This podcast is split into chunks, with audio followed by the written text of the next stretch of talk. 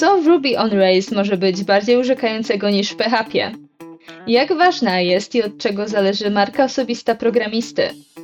Czy osoby nietechniczne mogą odnaleźć swoje miejsce w branży IT? Odpowiedzi na te i wiele innych pytań znajdziecie w naszej rozmowie z Krzysztofem Kępińskim. Zapraszamy do wysłuchania. W freelancingu musimy wziąć pełną odpowiedzialność e, na siebie i być świadomym e, tego, że tak samo jak my szybko jesteśmy w stanie zrezygnować ze współpracy, tak samo e, ten nasz klient również może zrezygnować z tej, z tej pracy z nami.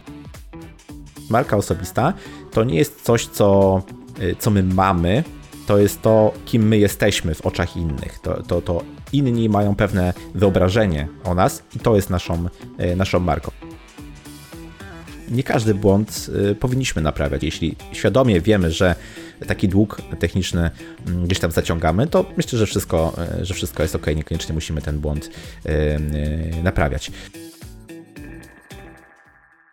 Cześć, witam Was w kolejnym odcinku podcastu SFI, czyli Studenckiego Festiwalu Informatyki w Krakowie. SWI to konferencja non-profit skierowana do wszystkich pasjonatów informatyki i nowych technologii, współorganizowana przez studentów czterech krakowskich uczelni: Akademii Górniczo-Hutniczej, Politechniki Krakowskiej, Uniwersytetu Ekonomicznego i Uniwersytetu Jagiellońskiego. W tym roku, w wyniku aktualnej sytuacji pandemicznej, wszystkie wydarzenia składające się na 16. edycję SFI zostały przeprowadzone całkowicie online w formie transmisji live na YouTube oraz Facebooku. Nagrania z nich są nadal dostępne na stronie festiwalu. W dzisiejszym odcinku mamy okazję gościć Krzysztofa Kępińskiego. Krzysztof od ponad 20 lat działa w IT, zajmując się web developmentem oraz zarządzaniem działami informatycznymi, w tym również rekrutacjami. W swojej karierze miał okazję założyć własny software house oraz pracować z firmami z Doliny Krzemowej. Krzysztof uwielbia programować w Ruby on Rails i od 2017 roku prowadzi podcast Porozmawiajmy o IT. Dzień dobry, Krzysztofie. Cześć, witam wszystkich słuchaczy i bardzo dziękuję za zaproszenie. Dziękujemy również, że je przyjąłeś. Zacznijmy od kilku pytań, takich może trochę bardziej osobistych. Mieliśmy okazję gościć Cię podczas 16. edycji SFI, gdzie podzieliłeś się z nami doświadczeniem na temat unikania błędów w kodzie. I właśnie jeżeli chodzi o Twoje doświadczenie, jest ono bardzo bogate, ale kiedyś się to zaczęło. Kiedy i jak? Tak, jak sobie myślę właśnie o tym momencie, kiedy to się zaczęło, to przychodzą mi do głowy takie dwa właściwe momenty. E, moment, czy właściwie jakiś okres czasu, kiedy się w ogóle zainteresowałem informatyką, w szczególności programowaniem, bo to jest właśnie ta moja e, dziedzina i to są dosyć wczesne, myślę, lata. E, co prawda długo, długo nie posiadałem swojego e, komputera, jednak wszędzie tam, gdzie miałem możliwość e, skorzystania i, i zrobienia czegoś więcej niż, niż granie w gry, to faktycznie, faktycznie to, to robiłem. Dlatego miałem tą, tę przyjemność, ten przywilej, jak gdyby posiadania takiego przekonania, że programowanie to będzie moja droga właśnie, moja kariera, więc, więc miałem ułatwiony, można powiedzieć, wybór, jeśli chodzi o taką drogę też edukacji.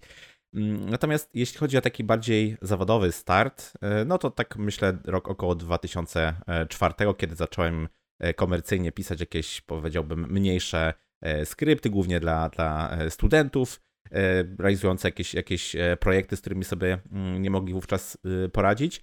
No i około 2005 roku, kiedy już gdyby skończyłem studia, to, to faktycznie pierwsze, pierwsze prace, więc to mniej więcej ten czas. Mhm, wygląda na to, że bardzo wcześnie już byłeś zdecydowany, jaką podjąć karierę w życiu i obrałeś swoją ścieżkę. E, ale tak. widziałam też, że na swoim blogu wspominałeś o przeprowadzce na Maltę. Jak ona wpłynęła na, na Twoją karierę? Jakiś powiew świeżości, inspiracji, czy jest coś, za czym tęsknisz z polskiej branży IT? Tak, faktycznie miałem taki e, epizod e, siedmiomiesięczny mieszkania na Malcie i to była taka świadoma decyzja. E, to znaczy, mm, żona była jeszcze na e, urlopie e, wychowawczym. Ja pracowałem zdalnie, więc jak gdyby nic nas tak fizycznie tutaj nie, nie trzymało. Mogliśmy faktycznie sobie, powiedzmy, taką przygodę przeżyć pod względem zawodowym. Nic się, no, powiedziałbym, ta nasza praca jakoś tam nie różniła, czy moja w tym, w tym przypadku. Mm, no i to faktycznie dla mnie była też taka wyjątkowa chwila, wyjątkowy czas, ponieważ trochę przestawiłem sposób myślenia, trochę takie jednak oddalenie od domu i spojrzenie z perspektywy na to, co się robi na co dzień, wpływa na to, że człowiek się zastanawia, w jakim momencie życia jest, gdzie właściwie dąży, co by chciał osiągnąć i myślę sobie, że często brakuje nam właśnie tak na co dzień takich momentów, bo wiadomo, że ta bieżączka, to życie mm, takie codzienne z, z dnia na dzień, z tygodnia na tydzień, no nie daje takich możliwości, żeby się właśnie zastanowić. A kiedy człowiek wyjedzie na kilka miesięcy i z perspektywy sobie na to wszystko spojrzy, to pewne różne pomysły przychodzą mu do głowy. I w moim przypadku ten, ten, ten pomysł, czy taka, taki shift, pewna zmiana mentalna polegała na tym, że stwierdziłem, że to jest chyba już ten moment, kiedy dojrzałem, żeby zacząć dzielić się swoją wiedzą, swoimi doświadczeniami, e, żeby zrobić e, coś więcej niż tylko poznawanie kolejnych e, technologii, niż tylko przechodzenie z projektu na projekt. No i wtedy właśnie zacząłem podejmować takie próby stworzenia bloga, stworzenia kanału, podcastu, próbowania różnych tych, tych kanałów mediowych i zastanawiania się, który mi po prostu bardziej pasuje, na który chciałbym gdzieś większy nacisk E, położyć. Więc jak gdyby dla mnie to jest taki, taki, taki wyjątkowy e, czas w mojej biografii, wyjątkowa e, chwila. Natomiast no, Malta jest bardzo małą wyspą i tam oczywiście mm, tych takich community związanych z IT jest bardzo mało. Co prawda dużo się dzieje, jeśli chodzi o gaming, jeśli chodzi o też o kryptowaluty, ale to bardziej na zasadzie jakichś takich konferencji e, międzynarodowych, które tam powiedzmy mają, mają miejsce. Natomiast mm, no, brakowało mi tam oczywiście wszelkiego typu e, meetupów czy konferencji, które, które zwyczajnie no, na tak małym terytorium jakoś nie, nie, miały okazji, e, nie miały okazji występować. Mm, co ciekawe, może jeszcze kończąc ten, ten wątek, dodam, że wtedy też zrozumiałem, że my jako Polska, jako kraj, jako specjaliści z, z IT, naprawdę nie mamy się czego wstydzić. Jesteśmy naprawdę mm, znani, rozpoznawalni, mamy dużo do, do e, zaoferowania. Wtedy myślę też, że doceniłem wszystko to, e, co mamy, z, z czym żyjemy, w czym się obracamy, ale czego często nie potrafimy na co dzień docenić. Mm, to prawda. A jeszcze jestem ciekawa, na jakie konferencje bądź wydarzenia w Polsce lubiłeś wracać? Mhm. E, tak, no, muszę przyznać, że mm, co prawda w moim kalendarzu zawsze znajdowałem miejsce na takie, na takie duże konferencje, które powiedzmy raz do roku gdzieś, e, gdzieś się odbywały, ale e, no preferowałem mm, chodzić na konferencje czy meetupy lokalne. Tutaj w Poznaniu, tutaj, tutaj mieszkam, naprawdę dużo tego jest. No oczywiście w tych czasach wiadomo, że nieco ta forma się zmieniła. Natomiast takie konferencje czy takie, takie meetupy mają też swój walor w postaci networkingu, w postaci spędzania czasu z ludźmi zainteresowanymi tą samą technologią, e, tym samym e, powiedzmy e, obszarem, więc no jak gdyby przebywanie z osobami, które dzielą te same, te same myśli, ten sam sposób postrzegania rzeczywistości jest też dla nas często potrzebny, po prostu tak zwyczajnie, po, po ludzku. I dla mnie nawet przyznam szczerze, że ta część, ta, ta wartość była istotniejsza niż powiedzmy oglądanie e, jakichś wystąpień, czy, czy, czy, czy jak gdyby zaznajmianie się e, z technologią. Więc e, no takich, staram się też jak gdyby zmieniać te, te, te, te konferencje, żeby nie wpaść w taką, taką rutynę. Niestety wszędzie jest tak, że obracamy się w swoich bańkach w tym, tym świecie, który, który, w którym się zamykamy. Ja zawsze staram się gdzieś z, tego, z tych baniek wychodzić, dlatego mało mam takich konferencji, które regularnie bym odwiedzał. No, może za wyjątkiem e, kariera IT, to jest takie, takie, takie wydarzenie, które też jest dedykowane dla e, młodych osób, które dopiero startują, gdzieś e, rozpoczynają swoją przygodę w IT. Tutaj miałem kilka wystąpień na, na, na, tym, na tym wydarzeniu. Natomiast miałem też okazję występować na For Developers, Boiling Frog, Frogs, um, Dynamite IT. No trochę, trochę tam tych, tych, tych konferencji się w sumie zebrało. Faktycznie jest tego całkiem sporo. Niestety pandemia chyba pokrzyżowała trochę planów konferencyjnych Mhm. i, i, coś pewnie odpadło. Ale mam jeszcze do Ciebie pytanie bardziej takie światopoglądowe. Co myślisz o zjawisku, które pojawia się coraz częściej, a w którym różne kraje europejskie oferują ulgi podatkowe i różne inne pracownikom, którzy zdecydują się na przeprowadzkę do tego kraju? Mhm. Tak, o ile faktycznie widzimy, że to się coraz częściej powtarza, o tyle to nie jest nic nowego, prawda? Bo gdyby się zastanowić, jak właściwie chociażby Stany Zjednoczone zbudowały swoją potęgę, no to tak naprawdę było właśnie ściąganie tych talentów e, i dawanie im jakichś, jakichś benefitów, chociażby w postaci zniżek na przykład w, w podatkach. To nie, nie, nie jest nic, e, nic e, nowego. Myślę, że to już z nami zostanie. To nie, nie jest coś, co, co, co przeminie.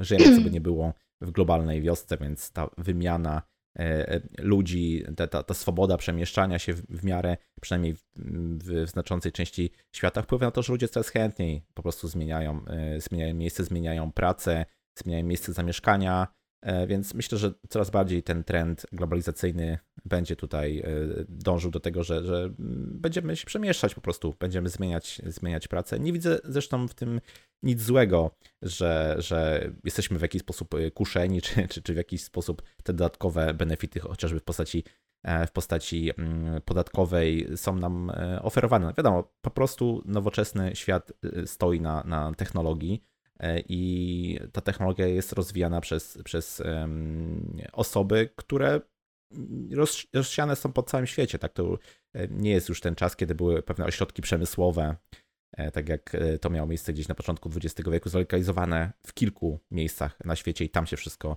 odbywało. Teraz ten talent tak zwany e, pochodzi z różnych części świata i naturalnie firmy i kraje wręcz będą przyciągały. Ja osobiście nie widzę w tym nic złego.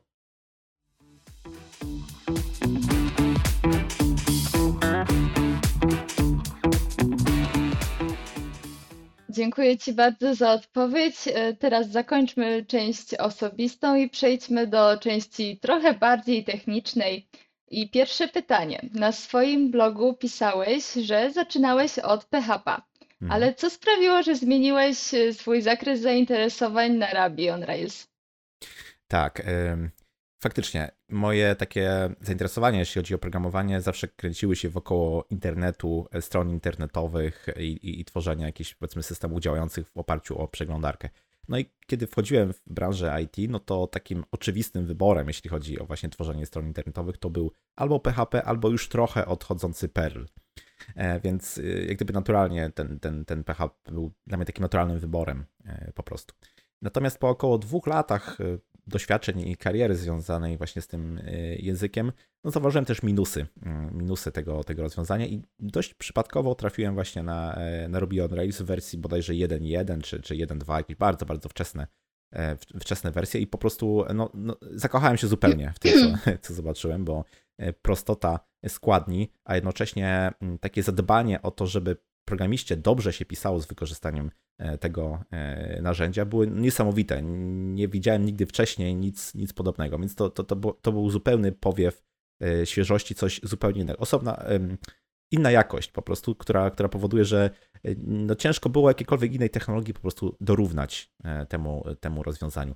No i tak się złożyło, że akurat miałem też kolegę, z którym pracowałem w firmie i on też jakby podzielał właśnie ten entuzjazm, też widział jak gdyby swoją przyszłość w Ruby on Rails.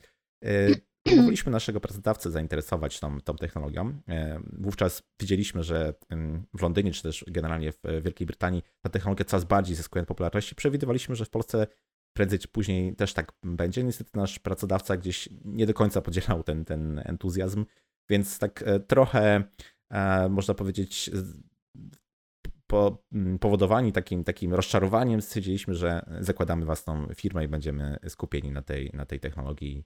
I tak się właśnie zaczął Software House, y, który przez 6 czy nawet 7 lat współprowadziłem.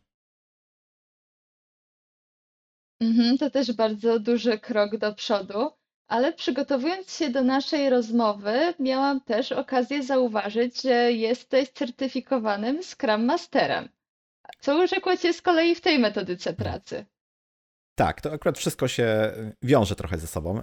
Dodam tylko może, że Scrum generalnie jest metodyką, jest raczej frameworkiem, w którym możemy sobie zastosować, zaaplikować określone rozwiązania, natomiast nie daje jak gdyby określonych metod, ale to może detal. Natomiast mm, Ruby on Rails y, jako, jako technologia zawsze była bardzo, y, znaczy gdyby często stosowana i, i upodobana przez startupy ponieważ umożliwia szybkie tworzenie e, takich serwisów e, internetowych, szybkie sprawdzenie i, i zwalidowanie na rynku, czy ten pomysł biznesowy po prostu ma szansę, e, ma szansę gdzieś się wybić. No i to środowisko startupowe mm, stoi trochę tak w opozycji do do takiego standardowego podejścia do wytwarzania oprogramowania w, w, właśnie w metodologii waterfallowej, gdzie na początku mamy zebrane wszystkie wymagania, dosyć szczegółowo opisane, ekran po ekranie, e, jak ma się cały system zachowywać, no i następnie zespół programistów przystępuje do implementacji. Natomiast w startupach często konieczność mm, mamy bardzo szybkiego reagowania na to, jak się zmienia biznes, jak się zmienia rynek. Musimy robić tak zwane pivoty, czyli zmiany często tych naszych pierwotnych, mm, pierwotnych założeń. No i tam takie standardowe podejście waterfallowe, gdzie na początku mamy wszystko zdefiniowane, po prostu nie ma racji bytu. No i stąd zainteresowanie takimi bardziej zwinnymi metod metodykami, czy, czy podejściem w ogóle agile'owym. I mm, tutaj jak gdyby mm, najbliżej mi było do właśnie do, do Scrama, który mm, nadal jest popularny w IT, nie mogę powiedzieć. Natomiast w momencie, kiedy ja się nim zainteresowałem, no to można powiedzieć, że było takie trochę zauroczenie właśnie e, Scrumem. E, ja też wówczas już zarządzałem zespołem programistów, więc myślałem, jak, zastanawiałem się, w jaki sposób można im tą pracę lepiej, e, lepiej zorganizować. Jakoś ten Scrum przypadł mi do gustu, no i stwierdziłem, że, że może zrobienie jakiegoś certyfikatu i douczenie się E, faktycznie lepiej się, lepiej się sprawdzi, także stąd, stąd ten certyfikat do mnie. Rozumiem, a jeszcze w swojej karierze w pewnym momencie, jak już chyba wspomniałeś wcześniej, zdecydowałeś się na freelancing. I Mhm. co stało za tą decyzją? Chęć realizacji własnych projektów, czy bardziej możliwość wyboru firmy, z którą współpracowałeś? Mhm. Myślę, że wszystko y, po trochu, ale taka główna, główna przyczyna to była ym, bardzo, bardzo prosta, można powiedzieć. Znaczy konieczność posiadania działalności gospodarczej, zarejestrowanej działalności gospodarczej, aby współpracować z firmami głównie zagranicznymi na zasadzie kontraktu, na zasadzie, e, na zasadzie B2B e, po prostu. E, ja generalnie wchodząc we freelancing nie miałem takiego założenia, że będę często zmieniał swoich klientów, czy będę miał ich całą pulę wręcz. Raczej zakładałem właśnie pracę na dłuższe kontrakty, roczne, dwuletnie, może nawet dłuższe, jak się w sumie E, okazywało, ale raczej z, na przykład z jednym e, startupem naraz, maksymalnie, e, maksymalnie z dwoma. Także to, to daje takie posiadanie po prostu działalności gospodarczej, czy też działanie jako, jako kontraktor, daje po prostu swobodę wyboru tego projektu, w którym chcemy uczestniczyć globalnie. Tak? To nie musimy się tutaj ograniczać tylko do Polski, ale tak naprawdę możemy sobie dowolnie ten, ten, ten, spróbować projekt po prostu znaleźć i, i, i swobodnie się w nim realizować, a jednocześnie umożliwia w miarę szybkie wyjście z tego projektu, tak? No bo e, oczywiście działając na zasadzie umowy o pracę, mm, mamy zazwyczaj jakieś okresy wypowiedzenia, wszelkiego tego typu rzeczy, które oczywiście mają nas chronić i to jest jak gdyby ten, ten plus. Natomiast z drugiej strony trudniej jest też jak gdyby tą firmę opuścić i, i przejść gdzieś indziej, szukać, szukać szczęścia, prawda? Natomiast w freelancingu musimy wziąć pełną odpowiedzialność e, na siebie i być świadomym e, tego, że tak samo jak my szybko jesteśmy w stanie zrezygnować ze współpracy, tak samo E, ten nasz klient również może zrezygnować e, z tej, e, z tej pracy z nami. Natomiast no właśnie nie mamy różnych ograniczeń. Możemy pracować z kilkoma, z kilkoma klientami naraz. Możemy swobodnie to, to, to, zmieniać. Więc wówczas mm, myślę, że to był główny, główny powód. I też miałem taki epizod zainteresowania aplikacjami mobilnymi, więc gdzieś tam z tyłu głowy był pomysł na to, że być może zrobienie jakiejś swojej aplikacji mobilnej, która też będzie po prostu e, zarabiała, to, to, to jest e, jakiś e, benefit po prostu bycia freelancerem. Czyli wychodzi z tego, że w sumie dzięki freelancerce byłeś w stanie współpracować z firmami z Doliny Krzemowej, prawda? Oj tak, tak, zdecydowanie. To znaczy, myślę, że gdyby nie przejście na taki standardowy e, freelancing jednoosobowy, no to nie sięgał, nie, nie próbowałbym znaleźć e, klientów z, z, z tak daleka. E, więc, więc to była gdyby główna, główna przy, przyczyna. Aczkolwiek też nie mogę powiedzieć, że to był mój taki bardzo skrupulatnie ułożony plan, że tak to się odbędzie. To, tu, jest, tu jest dużo przypadków, ale ja wyznaję, wyznaję taki takie motto, że po prostu sprze y, szczęście sprzyja przygotowanym, więc y, to moje przygotowanie y, w jakiś sposób pomogło mi znaleźć projekty stamtąd. Dało też taki ciekawy insight, ciekawy wgląd w to mm, i wniosek, że tak naprawdę te projekty oczywiście może szumnie gdzieś wyglądają jako coś niezwykłego, natomiast nie ma aż tak wielkich różnic, nie ma aż y, takiego, takich znaczących różnic, jeśli chodzi o podejście, o jakość y, pracy, przede wszystkim o wiedzę, umiejętności naszych polskich programistów, że naprawdę jesteśmy w stanie konkurować, konkurować globalnie. A czy jest coś nowego albo coś, in, coś innego niż, e, niż w Twoim normalnym systemie pracy, czego nauczyłeś się właśnie podczas takiej współpracy z tymi firmami? Hmm, ciekawe pytanie. Myślę, że tak. Myślę, że to nie są rzeczy techniczne, tak, tak e, sensu stricte, bo y, no, obecnie realizujemy nawet tutaj w, w, Polsce projekty, które korzystają z technologii wykorzystywanych przez większość firm na świecie. Tak myślę tutaj, no, powiedzmy, o tym poletku, o tym poletku aplikacji internetowych. To, to, to nie jest już tak, że mm, inne państwa czy inne firmy mają dostęp do technologii niedostępnych e, dla innych. Tak? Większość opiera się na, na albo szeroko dostępnych rozwiązaniach, albo, albo rozwiązaniach open source i tak naprawdę ten dostęp do technologii już nie jest taką wielką przewagą w tej dziedzinie, jak to było E, jak to było kiedyś. E, natomiast to, czego się nauczyłem, to e, po pierwsze kontakt z klientem, mm, po pierwsze jak gdyby zrozumienie potrzeb klienta. I tym klientem niekoniecznie musi być ktoś, kto jest zewnętrznym podmiotem, zewnętrzną firmą, ale to może być tak zwany klient wewnętrzny, czyli powiedzmy ktoś z działu na przykład marketingu, kto zleca wykonanie pewnych prac programistycznych wewnątrz, wewnątrz firmy. Mm, nauczyłem się też dopytywać o szczegóły y, zadań. Y, czyli jak gdyby mm, dało mi to takie poczucie, że programista to nie jest tylko ta osoba na końcu, która powiedzmy wykonuje ticket, zadanie mu przygotowane, ale docenia się to, jeśli on potrafi również wnieść coś od siebie do, do, do tego zadania, jeśli potrafi zasugerować, zaproponować jakieś rozwiązanie, może um, trochę ostrzec, ostrzec, że powiedzmy to rozwiązanie będzie miało takie, a nie inne na przykład e, złe konsekwencje, i tak dalej, i tak dalej. Więc to mi, to mi dało też tak do, do, mm, do zrozumienia, że ceni się osoby, które oczywiście mają ten, ten skill, ten, ten, ten, ten, ten, e, te umiejętności techniczne wystarczająco dobre, ale muszą za tym iść też dodatkowe umiejętności takie, powiedziałbym, wokoło biznesowe, wokoło produktowe i takie osoby są, powiedzmy, doceniane, takie osoby mogą gdzieś awansować, takie osoby mają szansę zdobywać e, projekty niedostępne tylko dla tych, znaczy dla tych, którzy się tylko skupiają na, na technologii.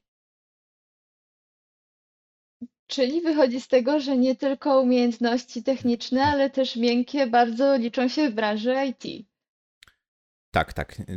Absolutnie się z tym zgadzam. E, myślę, że jako branża coraz bardziej dojrzewamy i widzimy konieczność rozwoju tych, e, tych, tych umiejętności, bo no, nie jest już tak, że dział IT to jest tylko taki takie miejsce tak zwanego powstawania kosztów e, w firmie, taki dział gdzieś tam głęboko w piwnicy zaszyty, e, do którego, do którego nikt nie ma e, dostępu, który mówi w swoim enigmatycznym języku.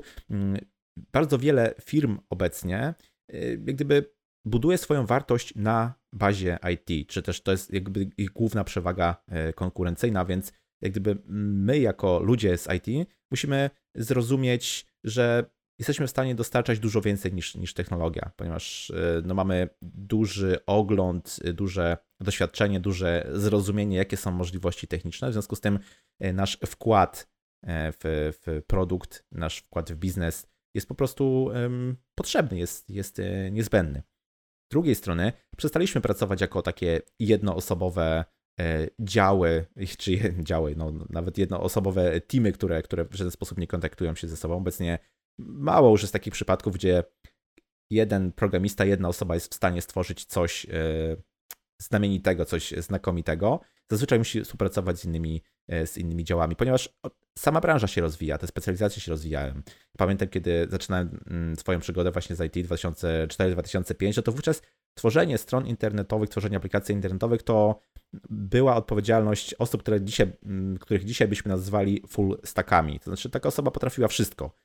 od e, zaprogramowania backendu, zrobienia frontendu, wówczas to była jedna jedność tak naprawdę, poprzez e, deployment, poprzez utrzymanie. Nikt nie rozróżniał tych różnych specjalizacji, które, e, które mamy teraz. Teraz z racji na rozwój różnych dziedzin mamy tego bardzo dużo, no i musimy się umieć dogadywać, musimy umieć się wewnętrznie porozumiewać, jak również zewnętrznie z osobami, z którymi współpracujemy, nietechnicznymi. Stąd coraz bardziej ja również rekrutując doceniam te osoby, które w jakiś sposób mają zadatki, które w jakiś sposób potrafią pokazać, że nie tylko żyją technologią, które w jakiś sposób e, po prostu potrafią się komunikować, potrafią sugerować, potrafią prezentować i, i myślę, że znaczenie tych umiejętności będzie coraz bardziej w IT doceniane. Mhm, dziękuję Ci za odpowiedź na to pytanie. Myślę, że są w nim e, bardzo cenne rady dla ludzi, którzy w tej chwili zmagają się z procesami rekrutacji. Ale wróćmy jeszcze pamięcią na chwilę do 16 edycji SFI. Prowadziłeś tam wykład o unikaniu błędów w kodzie. Ale co robić, gdy one już się pojawią i nie do końca wiadomo o co chodzi, ani jak je rozwiązać? Jak ty sobie radzisz w takich sytuacjach? Mhm. Jeżeli oczywiście je masz. Tak, myślę, że każdy, każdy programista je ma. E, podczas tej prezentacji żartowałem trochę, że jedynym stuprocentowo skutecznym sposobem na unikanie błędów jest po prostu nie pisanie kodu. Mm, natomiast w każdej innej sytuacji te błędy będą. Musimy się gdy przyzwyczaić i przyjąć, że one faktycznie, że one faktycznie są.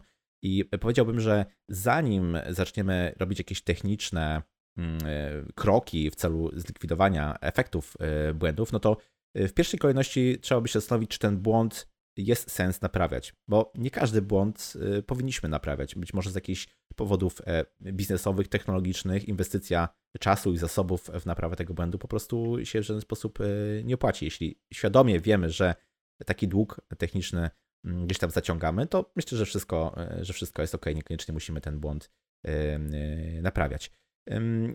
Co jest jeszcze konieczne, a czego według mnie często brakuje, to brak odpowiedzialności za ten błąd, takie spychanie odpowiedzialności za ten błąd na kogoś e, innego.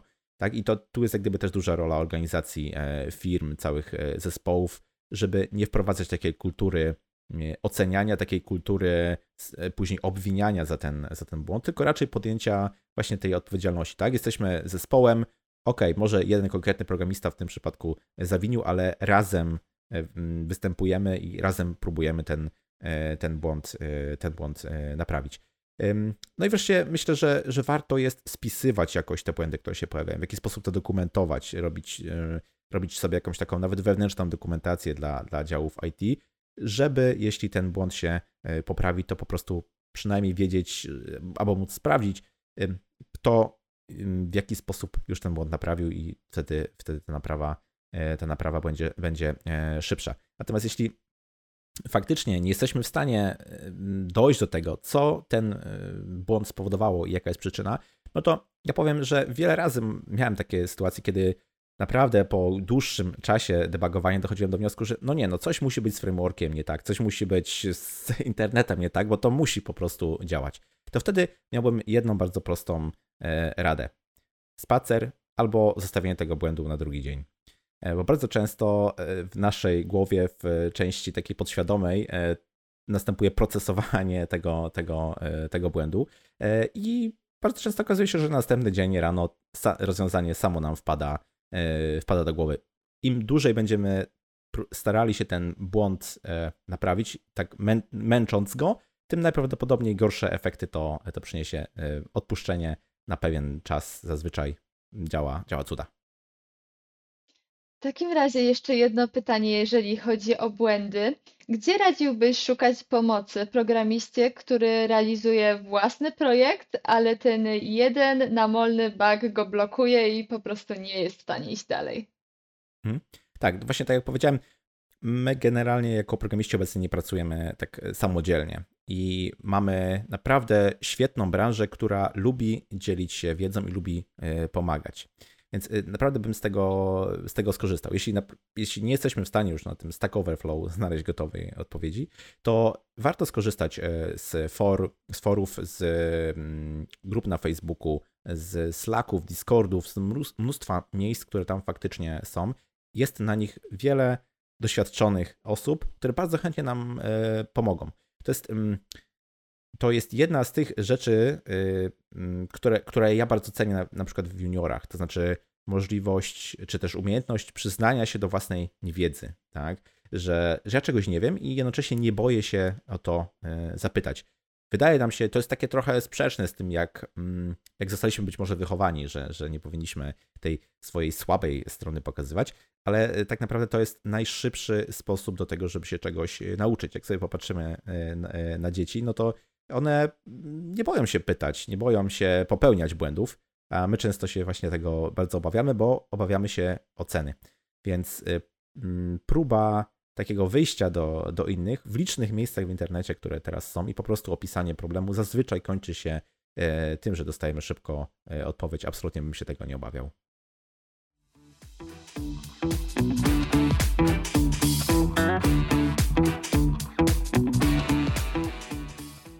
Dziękuję Ci bardzo za tą odpowiedź i zakończmy tą sekcję pytań i przejdźmy do sekcji o dzieleniu się doświadczeniem i początkach w IT. I pierwsze pytanie w tej sekcji e, jest o Twoim podcaście. Liczę sobie już 111 odcinków i ma naprawdę wiele zróżnicowanych tematów. Czym kierujesz się w ich wyborze i gdzie znajdujesz inspirację? Hmm. Dziękuję bardzo. E, tak, to znaczy to się zmieniało w czasie. Na początku, kiedy zakładałem e, podcast, to faktycznie te kilka, kilkanaście tematów, które były dla mnie oczywiste, mi znane i najbliższe, były naturalnym wyborem. Nie musiałem nigdzie gdzieś tam daleko, e, daleko szukać. Natomiast e, później zazwyczaj zastanawiałem się, jaki temat może interesować moich, e, moich słuchaczy. Kiedy już trochę ich przybyło, mniej więcej wiedziałem, kto tego słucha, to zastanawiałem się, co może być dla nich, dla nich interesujące.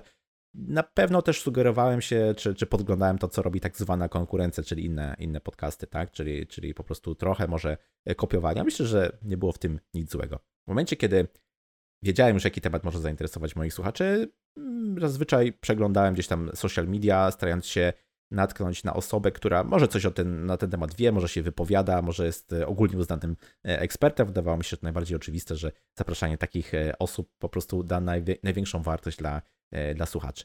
E, myślę, że kilkanaście, o ile nie kilkadziesiąt odcinków właśnie w ten sposób e, powstało.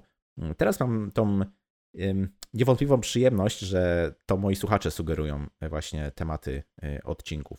I teraz powiem szczerze, że chyba większość odcinków, które tworzę, to są właśnie propozycje, to są sugestie tematów od, od osób, które albo gdzieś mnie śledzą w social mediach, albo słuchają i podsuwają te odcinki nie byłbym w stanie wpaść na e, takie tematy sam, w pojedynkę. Myślę, że ten, ten podcast dużo by stracił, gdybym to tylko ja nim sterował.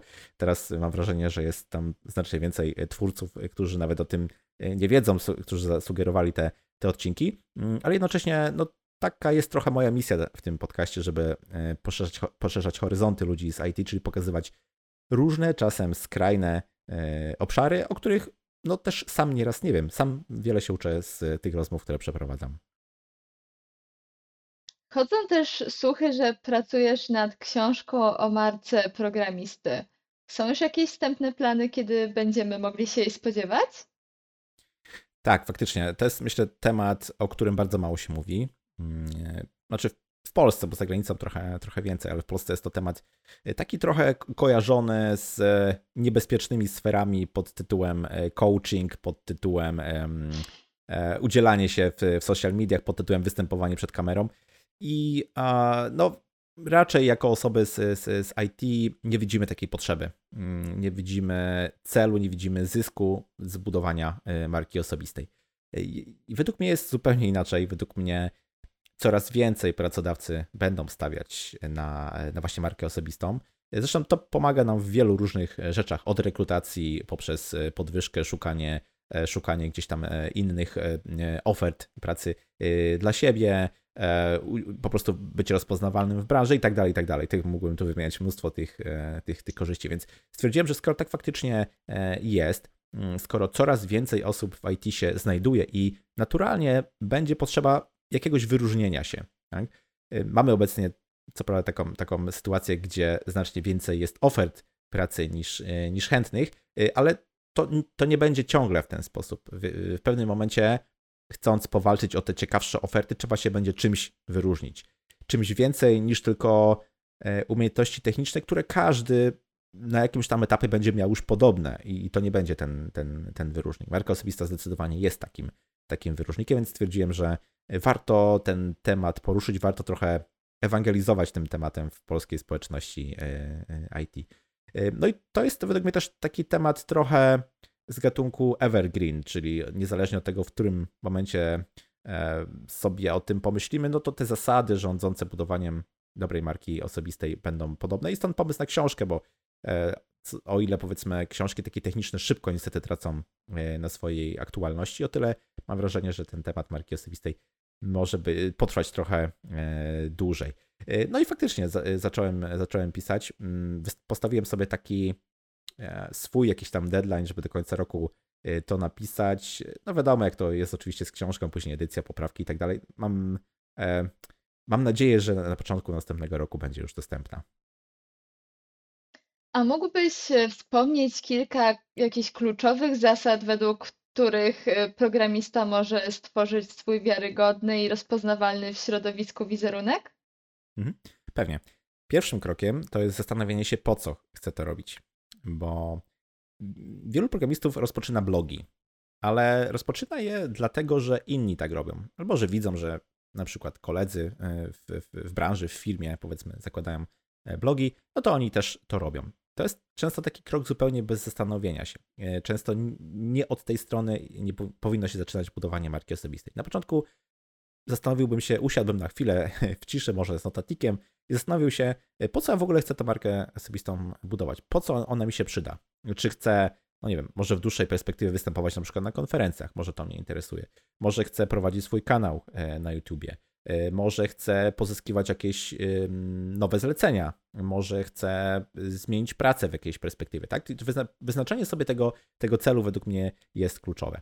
W momencie, kiedy już wiemy, po co właściwie chcielibyśmy budować tę markę, to musimy się zastanowić, kto powinien o nas wiedzieć, ponieważ marka osobista to nie jest coś, co, y, co my mamy, to jest to, kim my jesteśmy w oczach innych. To, to, to inni mają pewne wyobrażenie o nas i to jest naszą naszą marką. Więc gdyby sami e, w sobie, czy niezależnie od innych, nie jesteśmy w stanie nic z tą marką za bardzo zrobić. To inni muszą mieć jakieś wyobrażenie o nas. Więc drugim krokiem jest zastanowienie się, kto powinien o nas e, wiedzieć, kto powinien mieć o nas jakieś tam wyobrażenie.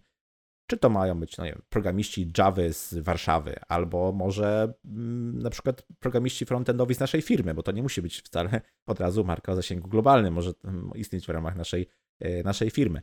Mm, musimy się zastanowić, komu powinniśmy dać znać, że my w ogóle żyjemy i, i jesteśmy. Tak? To, nam, to nam pozwoli w dalszych krokach zastanowić się, w jaki sposób chcielibyśmy tej grupie e, komunikować to, co robimy, mówić e, o naszej ekspertyzie i tak tak. Kiedy już e, to wiemy, to, to następnym krokiem jest zastanowienie się, co my właściwie chcemy tym osobom komunikować. Czyli czy powinni nas interpretować jako osoby, które mają doświadczenie i wiedzą wszystko na temat baz danych, nie wiem, a może kawki, a może chmury. E, czyli jak gdyby musimy się z jakąś tam domeną, powiedzmy z jakimś obszarem technologicznym mm, powiązać. Kiedy już wiemy wszystkie te rzeczy, no to dopiero możemy przejść do kroku, jak to zrobić. No i wówczas e, ja polecam, żeby sobie sprawdzić, co nam bardziej pasuje. Czy to jest blog, czy to jest może TikTok, czy to jest e, podcast, kanał na YouTubie, konferencje, książki. Tych, tych metod, tych kanałów jest mnóstwo, natomiast to jest dopiero gdzieś ostatni, można powiedzieć, krok, E, a nie, a nie pierwszy. Tak? I, I, polecałbym wobec tego takie, takie właśnie ćwiczenie, czyli żeby podsumowując, zastanowić się, po co nam ta marka, kto powinien o nas wiedzieć, co powinien o nas wiedzieć i wreszcie, które medium będzie nam najbardziej pasowało, w którym będziemy tą naszą eksperckość po prostu komunikować. A co jeżeli chodzi o portfolio programistyczne? Jak stworzyć takie, które wyróżniłoby się na tle innych i co powinno zawierać? Tak, portfolio jest jednym z tych kanałów e, komunikowania o tym, e, co my potrafimy, kim jesteśmy, co wiemy i tak dalej, i tak dalej. I ja, jeśli sobie myślę o portfolio, to takie dwie główne kategorie bym tutaj wyróżnił. E, pierwsza to jest taka, takie klasyczne portfolio, czyli strona na przykład internetowa, na której pokazujemy nasze realizacje, projekty, aplikacje mobilne, strony, cokolwiek, co, co zrobiliśmy. I to jest Oczywiście jest pewnie bardziej gdzieś tam polecane osobom, które mają do czynienia na przykład z czymś, co można w sposób wizualny y, mm, pokazać. Tak? No, dla designerów czy UX-owców to myślę, że taki must have wręcz, dla frontendowców pewnie również. Dla osób, dla osób, które tworzą aplikacje mobilne, no też fajnie, fajnie by było. Ktoś, kto siedzi tylko w backendzie, no pewnie trudniej byłoby cokolwiek w ten sposób, e, mm, w ten sposób pokazać. Mm, natomiast takim zupełnym y, must have, myślę, że to nie jest już nic nowego dla ludzi z branży, to jest profil na E, GitHubie, GitLabie, Bitbuckecie, tam gdzie jesteśmy w stanie nasz kod e, źródłowy e, pokazać. Samo posiadanie takiego profilu oczywiście nie wystarczy. Powinniśmy zadbać o jego jakość. Czyli powinien tam się znaleźć na tej pierwszej stronie przypięte te repozytoria, które chcemy po prostu pokazać. Często jest tak, że jak sobie gdzieś tam testujemy różne technologie, bawimy się i wrzucamy sobie właśnie na, na, na GitHuba, to ta, tam jest po prostu śmietnik ogólnie rzecz mówiąc. Jest tam e, wszystko z różnych technologii. E, często to są takie projekty na zasadzie coś wrzuciłem i zapomniałem. No to nie jest coś, czy, yy, nic reprezentatywnego, co chcielibyśmy pokazać osobie oglądającej nasz profil. Więc na tą pierwszą stronę przypnijmy sobie te repozytoria, nad którymi faktycznie trochę czasu poświęciliśmy, które chcemy pokazać. Wrzućmy zdjęcie, wrzućmy imię, nazwisko, wrzućmy jakikolwiek kontakt do nas, bo na wszystkich tych portalach możemy siebie oznaczyć jako osobę, która jest na przykład gotowa na, na e, oferty pracy. Jeśli tego kontaktu nie ma, no to dosyć trudno jest się z nami e, po prostu skontaktować. Wreszcie te repozytoria, które tam mamy, no warto by było, żeby pokazywały to, w jaki sposób my pracujemy. Czyli w miarę regularne komity. Nawet nie chodzi o to, że one muszą być częste, ale jakoś tam regularne, które pokazują, że my nad tym projektem no, spędziliśmy trochę więcej czasu niż tylko jeden tak zwany initial commit, który wszystko wrzuca i, i sprawa zapomniana, prawda? Czyli, że pracowaliśmy nad tym, nad tym, nad tym projektem. Te komity, czy tam te pull requesty, powiedzmy, które w ramach e, tych, tych repozytoriów e, są, też dużo mówią i świadczą, jak my pracujemy na co dzień. W jaki sposób opisujemy te pull requesty, w jaki sposób w jaki sposób tworzymy te zmiany kodu. To, to dużo naprawdę mówi o tym, e, jak my, jak my działamy. Czyli takie właśnie regularne komity, to jest myślę, myślę istotne. Raczej bym nie szedł w tym kierunku, żeby to były takie wielkie komity, takie właśnie initial commit i później za pół roku następna wielka zmiana. Raczej, raczej e, no, regularne podejście, które pokazuje, że, że my faktycznie nad tym projektem spędzamy po godzinach, może nieraz czas, ucząc się tej nowej technologii i coś po prostu e, tworząc. Więc to według mnie, ja tak definiuję portfolio i to mm, o to warto według mnie zadbać. No bo tak naprawdę w tym momencie to praktycznie już każdy rekruter IT jest świadomy tego, czym te profile są i mm, praktycznie w każdym przypadku tam, e, tam zerka, więc warto zadbać, bo to jest nasza, to jest nasza wizytówka po prostu. Dziękujemy Ci za bardzo przydatne rady.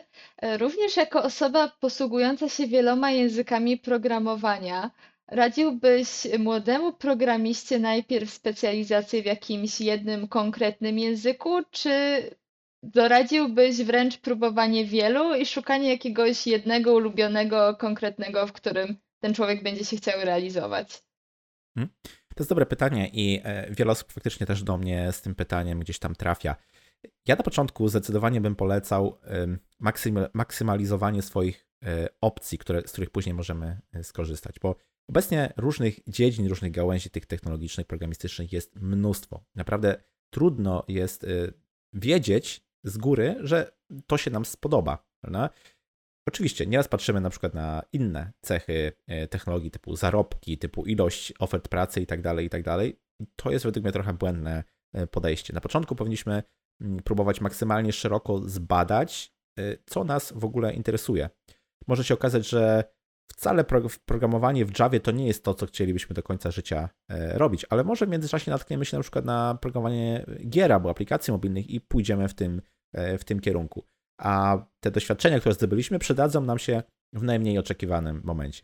I ja wiem, że na początku jest taka e, tendencja, czy taka skłonność, żeby siebie określać w jakiś sposób już technologią, tak? Czyli chcemy być na przykład Python deweloperem, chcemy być e, JavaScript deweloperem i tak dalej. I chcemy sobie taką łatkę e, przypiąć, ale zwłaszcza e, na początku warto by było rozpoznać różne technologie, zdobyć trochę doświadczeń w różnych technologiach, które tak naprawdę, jak już sobie wybierzemy tą naszą docelową, w którą będziemy zgłębiać, po prostu te doświadczenia przełożą się na to, że będziemy lepiej programować, bo jedna technologia może mieć na przykład pewien, pewien obszar mm, wybitny, ale na pewno nie w każdym e, obszarze będzie, będzie właśnie wybitna.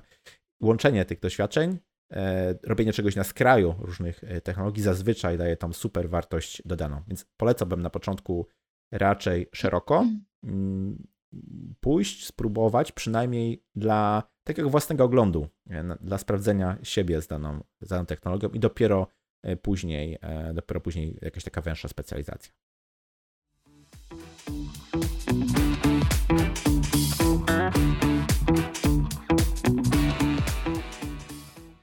A co myślisz o pozycjach wspierających IT? Czy osoby nietechniczne bądź nieprogramujące mogą sprawdzić się w takiej branży? Chodzi mi tu właściwie głównie o pozycje typu project manager, technical writer i, i tym podobne.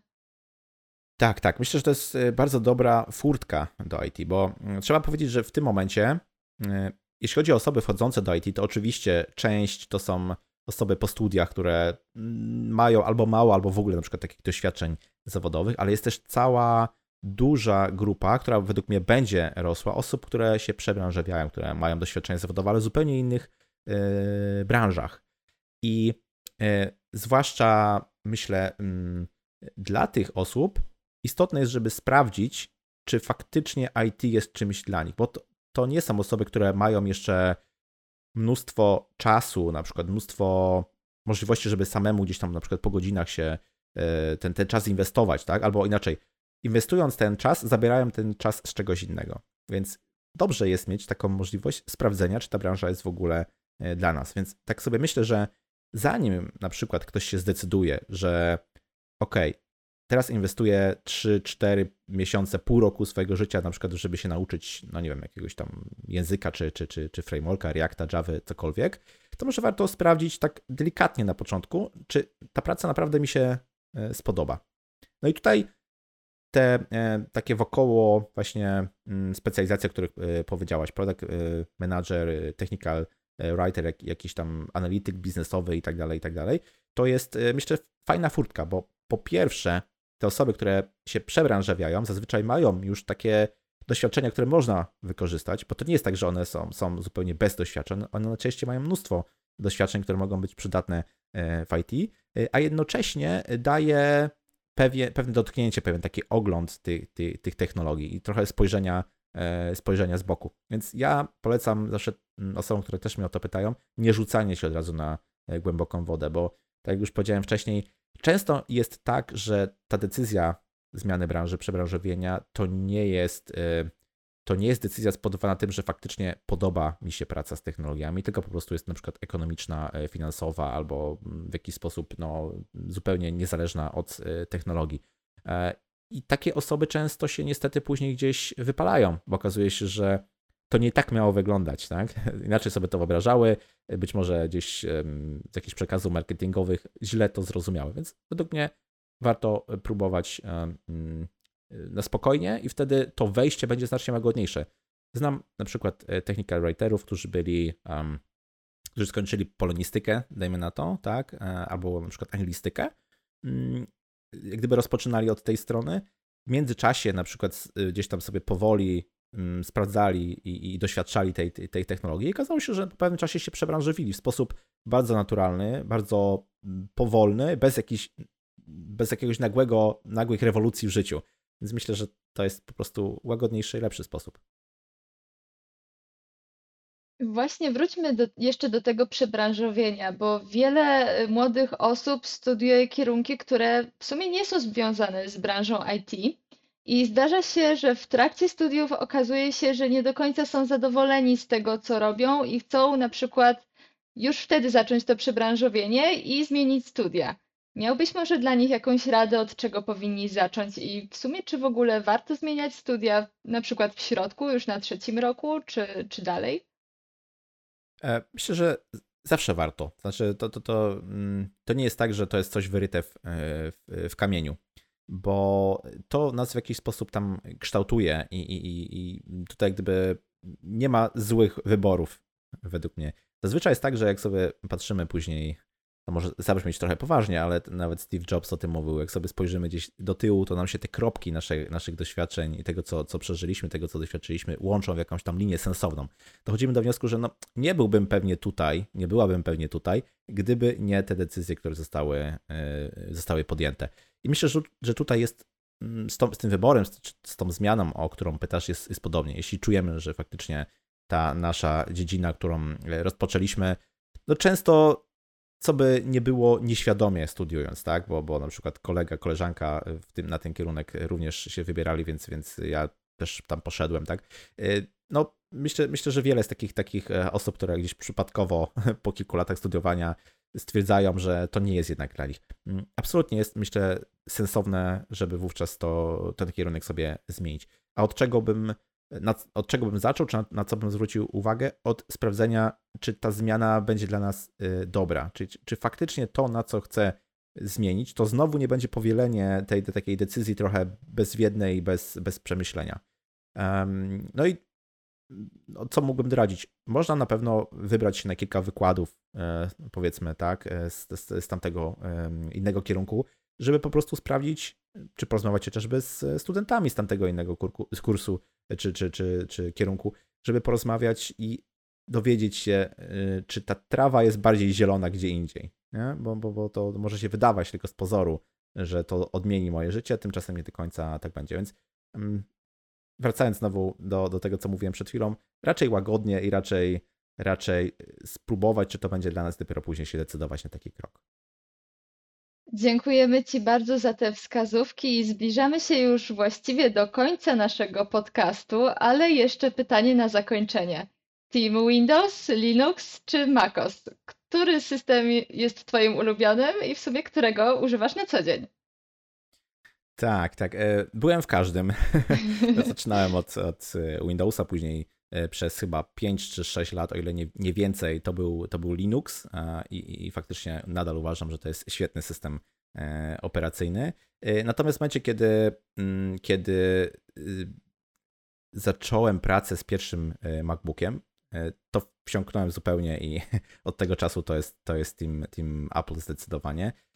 Dlaczego? No tam faktycznie wszystko po prostu działa i to, to nie jest jak gdyby jak, jakiś tam, jakaś tam, e, jakiś chwyt marketingowy. Faktycznie wszystko działa, nie trzeba e, spędzać dodatkowego e, czasu, którego później niestety ma się coraz mniej na to, żeby ogarniać sobie system operacyjny czy komputer, tylko realizuje się to, co trzeba, to, co trzeba zrobić. Poza tym, no, Ruby on Rails był głównie tworzony, ten, ten mój framework ukochany był głównie tworzony w Stanach i później też w, w przejęty i wiadomo, no to jest takie, takie kraje, które jednak na macOSie zdecydowanie e, gdzieś tam e, swoją pracę wy, wykonują, więc tam po prostu mm, wszystkie konferencje, wszelkie mm, filmiki, wszystkie, wszystkie materiały, cały, cały kod i tak dalej, i tak dalej, tam wszędzie były screeny i tam wszędzie były przykłady właśnie e, macOSa, tam po prostu to wszystko ładnie wyglądało i fajnie działało, więc był taki, była taka mm, zawsze tęsknota za tym, żeby no też tak faktycznie mieć, że po prostu wszystko działa, włączam e, i, i nie, nie, muszę się martwić całym tym, tym otoczeniem, więc na ten moment e, macOS i, i chyba nie planuję zmiany. Dziękujemy bardzo za odpowiedź. I już ostatnie pytanie na samo zakończenie. Czy chciałbyś dodać jeszcze coś od siebie do hmm. naszego podcastu? Tak, dobre, dobre pytanie. Myślę, że no, znacząca, tak sobie przynajmniej to, to wyobrażam, e, poprawnie jeśli się mylę, znacząca e, część słuchaczy to pewnie są studenci albo osoby, które gdzieś rozpoczynają swoją, swoją e, tutaj można powiedzieć, karierę w, w IT. Więc ja miałbym tylko taką jedną radę, powiedzmy, ze swojej strony, żeby na początku faktycznie maksymalizować te swoje możliwości, czyli próbować mieć różne doświadczenia i wybierać to, co nam najbardziej odpowiada to, co nam najbardziej e, pasuje, to nigdy nie jest tak, że te nasze różne doświadczenia, czasem skrajne, pójdą e, na marne, ponieważ e, łączymy kropki dopiero później i okazuje się, że to wszystko, co robiliśmy w życiu, mm, zaprowadziło nas w to miejsce, w które, w które jesteśmy. Nie żałujmy tego, co robimy. Mm, to myślę sobie gdzieś tam służy jakiemuś większemu, e, większemu e, dobru. E, no i też spróbujmy mimo wszystko świadomie podejmować decyzje, czyli jeśli coś, coś faktycznie zmieniamy, to poświęćmy trochę czasu na zastanowienie się dlaczego i po co. Ja wiem, że tego czasu nam obecnie bardzo, mm, bardzo to mm, brakuje, no ale no, ten czas poświęcony na zastanowienie się na początku zazwyczaj zwraca się wielokrotnie później, więc takie świadome życie z szerokimi horyzontami to jest coś, co ja rekomenduję. Dziękuję bardzo, dziękuję za zaproszenie. Bardzo przyjemnie mi się rozmawiało.